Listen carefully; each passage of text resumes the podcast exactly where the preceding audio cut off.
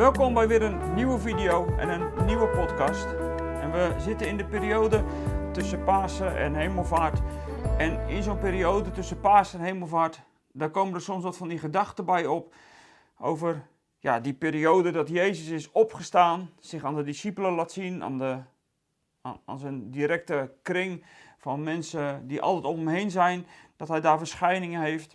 Maar het roept voor mij ook altijd de vraag op van, als Jezus nou in die laatste dagen voor zijn hemelvaart bezig is om de discipelen toe te rusten, om kerk te mogen zijn en ja, de bediening van hem voor te zetten op aarde, dan houdt het voor mij ook altijd een beetje, dat houdt mij altijd een beetje bezig met de vraag van, wat heeft ons dat nou te zeggen?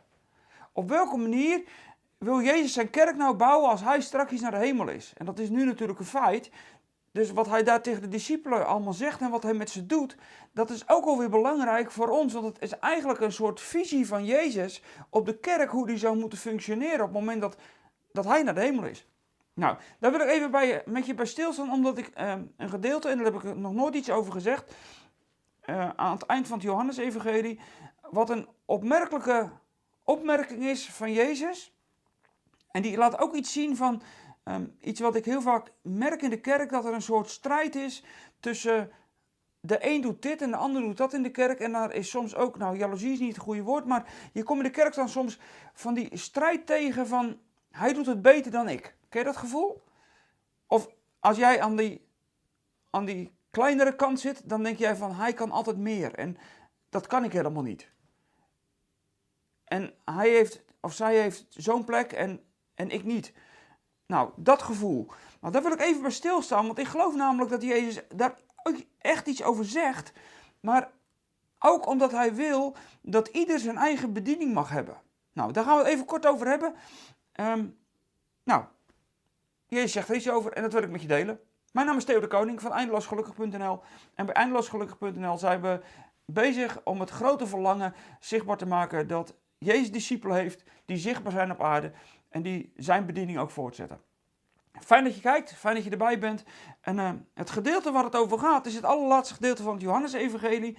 En over het Johannesevangelie, zeker in de periode na Paas, heb ik door de tijd en altijd best wel heel veel gezegd. De situatie over Petrus met dat kolenvuurtje.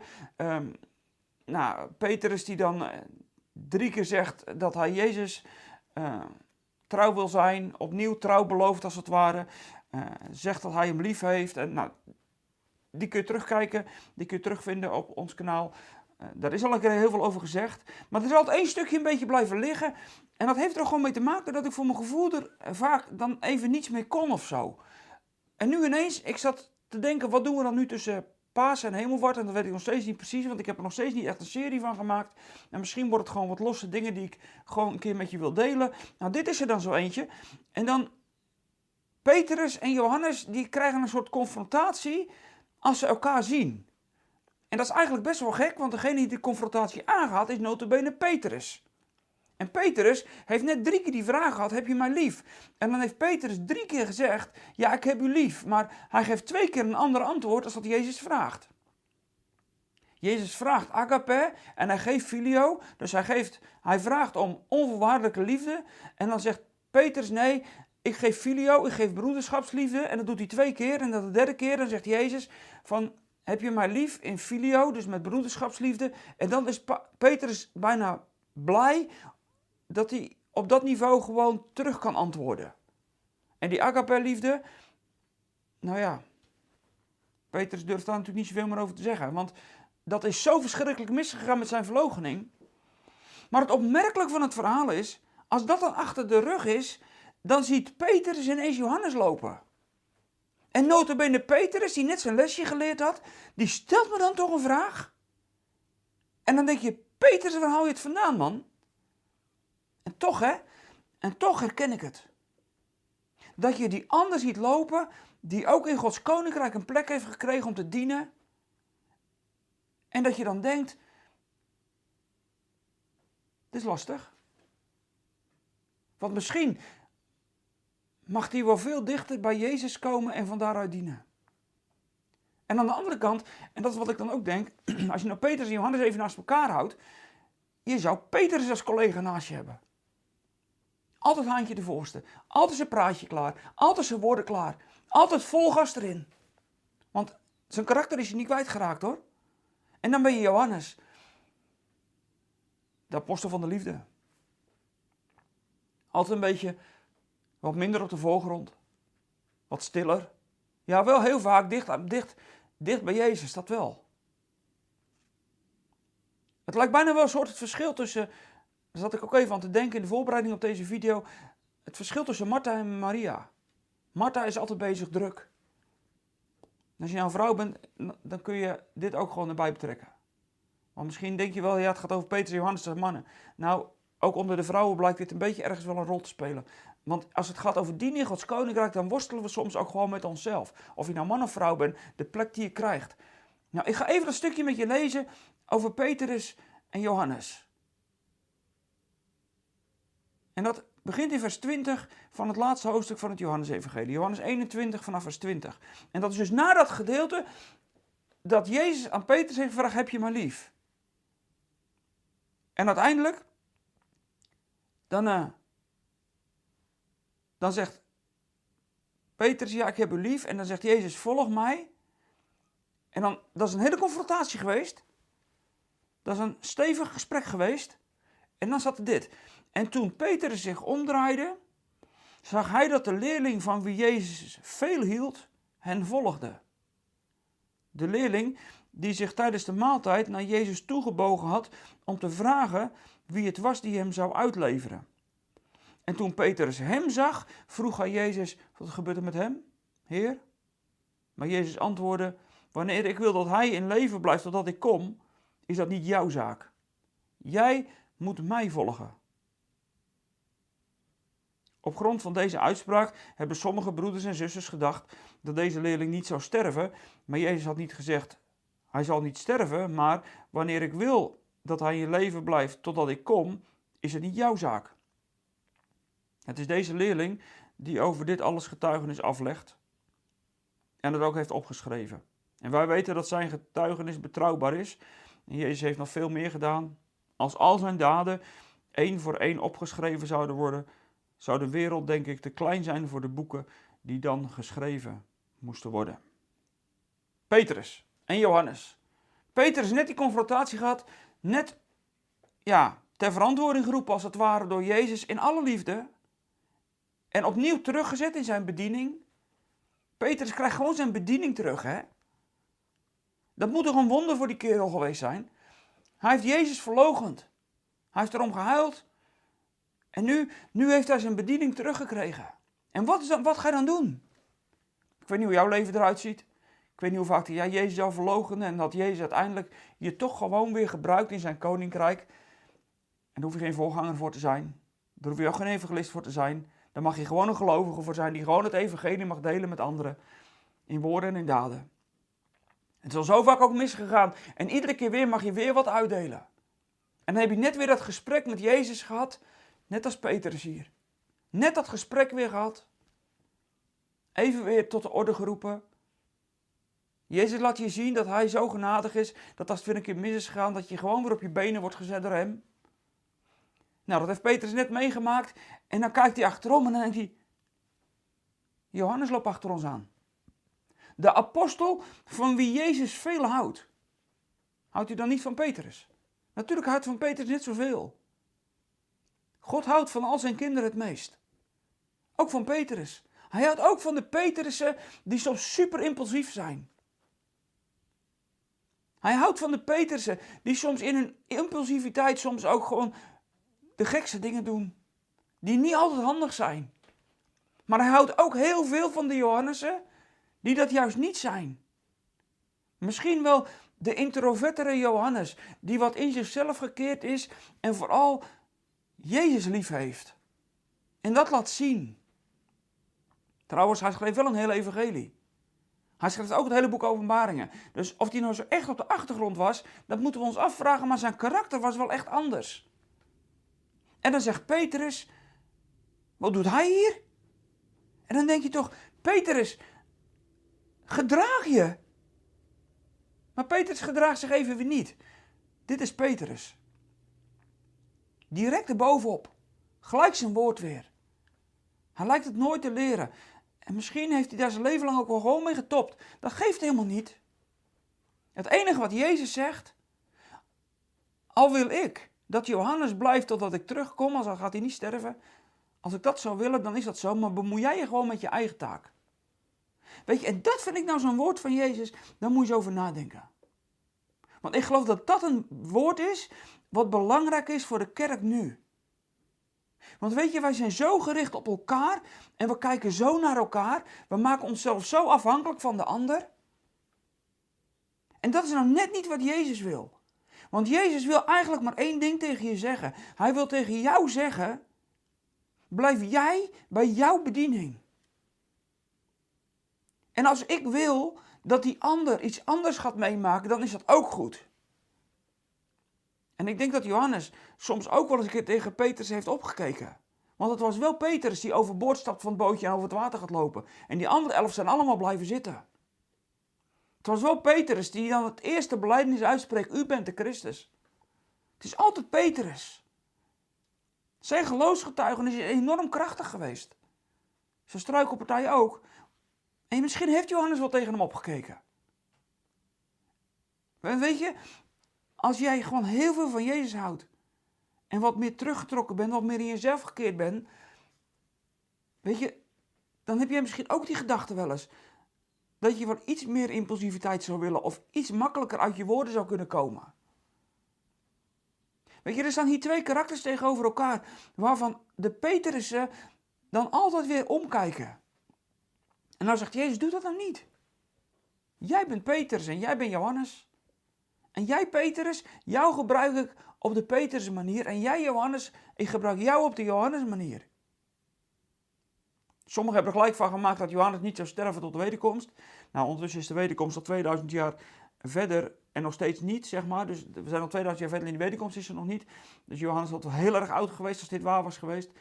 Jezus heeft het ook helemaal niet gezegd. Dus zelfs in deze verwarring of in deze misschien wel strijd, wordt er niet eens meer geluisterd wat Jezus precies zegt. Ja, Johannes, die gaat niet sterven tot Jezus. Nee, dat heeft Jezus niet gezegd. Je moet wel blijven luisteren. Ook als het dus op, deze, op dit niveau op een soort strijd uitloopt. Blijf wel luisteren hè, wat Jezus zegt. Jezus heeft niet gezegd dat Johannes niet gaat sterven tot de wederkomst. Als ik het wil, heeft hij gezegd. Nou, dat heeft Jezus dus niet gewild. Maar hij bedoelt gewoon te zeggen: Petrus, bemoei je met je eigen bediening. Want die bediening die ik heb, hoed mijn schapen, hoed, hoed mijn lammeren, wijd ze, dat. Dat is jouw bediening. Dat is jouw bediening, Petrus. En Johannes, Johannes krijgt een andere bediening. Ook op een andere plek. Past bij zijn karakter. En weet je, dat is nou het koninkrijk van Jezus. Als je nou leeft tussen Pasen en Hemelvaart, als je nu nadenkt over hoe moet die kerk nou functioneren, dan functioneert dat op basis aan de ene kant van de opstanding van Jezus. Aan de andere kant op basis van je karakter. En misschien in de derde plaats op de bediening die Jezus jou geeft. Het begint bij de opstanding van Jezus. Maar jouw karakter en de bediening die Jezus jou specifiek geeft, die zijn bepalend voor op welke manier jij mag bouwen aan dat koninkrijk. En of dat nou op de club is voor een stel kinderen van 6, 7, 8, 9 jaar, of dat het nou is als zangleider van de band, of misschien wel op de achtergrond als gitarist, of misschien wel op het podium als spreker, of misschien alleen maar omdat je liefde hebt voor je buurt en in jouw buurt als een soort Johannes liefde uitdeelt. Het maakt niet uit. Het doet er ook niet toe of die ander wat anders moet doen en mag doen. Wat misschien wel groter is in jouw ogen, maar misschien is het in Jezus' ogen wel niet groter. Uiteindelijk is het niet bepalend wat die ander voor een bediening krijgt. Het gaat erom wat jouw bediening is. En wat Jezus met jou wil doen in zijn koninkrijk in de tijd die jij hier rondloopt. Durf jij zo naar jezelf te kijken en durf jij zo met God het gesprek aan te gaan en tegen God zeggen, nou hier ben ik. En dan gebruikt hij mijn broer Petrus. In de frontlinie van het koninkrijk altijd vol vuur. En ik heb dat niet. Ben ik niet minder. En als u mijn broer Johannes. En ik blijf gewoon even bij deze naam, want dat is het makkelijkste. Als u mijn broer Johannes heel dicht aan uw hart houdt. Waar ik soms ook wel jaloers van kan worden hoor. Want ik denk dat ik behoorlijk een Petrus ben. En ik heb soms broers en zussen om me heen. Die hebben altijd zo intens veel liefde voor Jezus. Dat zijn van die bidders, weet je wel. En dat heb ik veel minder. En daar kan ik ook wel eens een soort van jaloers naar kijken. En toch zegt Jezus dan tegen die Petersen. Al zit jouw broer Johannes nou, je geestelijke broer hè. Al zit je geestelijke broer Johannes nou altijd aan mijn hart. En heb ik hem altijd heel dicht bij mij. En jou minder, dat maakt jou niet minder. Bemoei je er gewoon niet mee wat ik dan met Johannes doe. En jij hebt er niks over te vinden. Laat dat maar los. Blijf bij je eigen bediening. Petrus, kom op. Ga maar vol vuur. Doe het maar. Wees lekker impulsief. Dat heb ik in je gelegd en dat wil ik gebruiken van je. En als die ander nou compleet anders is, dat geeft niet. Dat is goed. Want die zijn er ook nodig. Want weet je, met elkaar, en dat is later wat Paulus natuurlijk over gaat schrijven, met elkaar zijn we lichaam van Christus. En daar zitten impulsieve discipelen tussen. En misschien wat introverte discipelen die soms even wat minder in de spotlights willen staan. Gelukkig zeg dat niet iedereen vooraan op het podium wil staan. Dan krijg je een concurrentiestrijd. En gelukkig dat niet iedereen aan de borst van Jezus ligt, want dan past dat ook niet. Jezus gebruikt jou op jouw manier. En Petrus, die wordt hier voor de tweede keer achter elkaar even op zijn plek gezet. En wij erbij. Want als zou het nou zo zijn dat Johannes mag blijven leven tot de wederkomst, dat is helemaal niet gebeurd natuurlijk. Hij is ook op een verschrikkelijke manier op het leven gekomen, dus op Patmos verbannen gezeten. En al zou dat nou zo zijn. En dan is jouw leven dan veel korter en ik weet het echt niet. Wat maakt het jou uit? Waar bemoei je je mee? Dat is Jezus' plan met die ander. En Jezus' plan met jou. En daar, daar gaat het over. En daarom zegt Jezus, volg jij mij. Het is niet jouw zaak. Maar jij moet gewoon mij volgen. En volgen hier betekent vooral doen wat Jezus concreet van jou vraagt. Als je niet meer letterlijk kan volgen omdat hij in de hemel is, maar hem volgen, in je leven loslaten en opstaan in Christus en hem zo volgen. Zijn bediening durven oppakken bij dat stukje wat bij jou past en wat aan jou wordt gegeven. En soms is dat een zoektocht. Soms is er misschien wel een verlangen naar iets wat niet jouw bediening is. Dan moet je met God af en toe gewoon over struggelen. Dat mag best even een flink discussiepunt zijn. Ik ben echt heel veel mensen tegengekomen door alle jaren heen. Die zouden heel graag het op willen of die hadden heel graag predikant willen worden of... We zijn niet geworden omdat eindelijk het plan van God iets anders was. Wat dan ook altijd veel beter past trouwens. Nou, dat is het nou. En ik wil je voor deze keer gewoon vragen of jij komende week bezig wil zijn om dit nou eens met God te bespreken. Heer, wilt u mij heel duidelijk maken. Wat dat stukje is waar ik me wel mee moet bemoeien, met dat stukje wat u aan mij geeft. En laat al het andere om je heen los. Kijk niet op naar anderen, kijk niet naar beneden naar anderen. Die ander is die ander. Johannes is Johannes en Petrus is Petrus. En gelukkig zijn die karakterverschillen er in de kerk. En laat het nou niet botsen, maar vul elkaar ermee aan. En dan begrijp je het laatste stukje van het Johannes-evangelie. En dan vind ik hem toch wel heel erg mooi. En dan is het goed om hier toch even bij stil te staan. Het is de vraag wat jouw bediening is. En niet van die ander. En durf je dat gewoon te ontvangen. En als je die bediening durft te ontvangen en niet meer bezig wilt zijn met die ander, dan kom jij zo tot je doel. En ik weet niet wat dat is. Dat is heel persoonlijk kan het zijn. Ik weet het niet. Dan moet je met God, dan moet je met Jezus uitkomen. Al zou ik willen dat. Dat is wat Jezus zegt. Al zou ik willen dat Johannes, al zou ik willen dat jouw geestelijke broer of zus in jouw buurt dit of dat, dan gebeurt dat. Maar ik wil ook dat jij dit of dat, jouw bediening. Dat wil ik ook. Want Jezus wilde aan de ene als Jezus had gewild dat Johannes zou blijven leven, had dat gebeurd. Maar als ik wil dat Petrus, ja, dat, die bediening van Petrus, precies, wat paste bij hem. En zo, jij op jouw plek en ik op mijn plek, en zo met elkaar. En dan kijken we niet naar elkaar op, maar dan bemoedigen we elkaar en zeggen we tegen elkaar: Jij mag jouw ding doen en ik mag het mijne. En wat is dat mooi? Dat Jezus precies heeft uitgezocht wat precies past bij jou. Durf je die bediening te ontvangen? Groot of klein, maakt niet uit.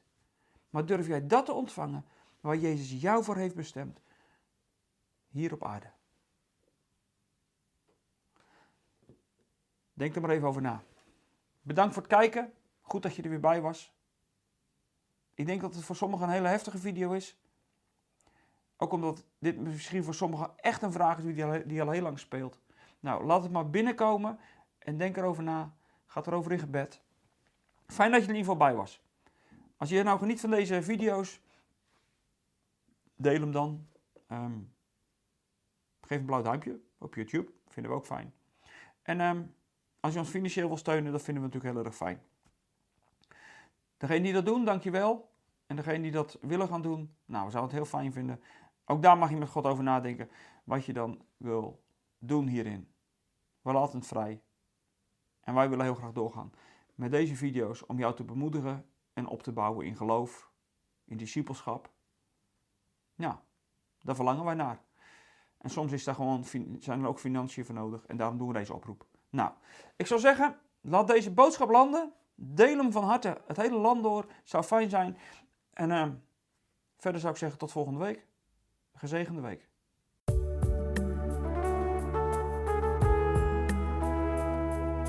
Zijn er weer aan het einde van deze podcast. Spreken deze podcast je aan en wil je ons met de gift ondersteunen? Kijk dan voor meer informatie op www.eindeloosgelukkig.nl slash podcast.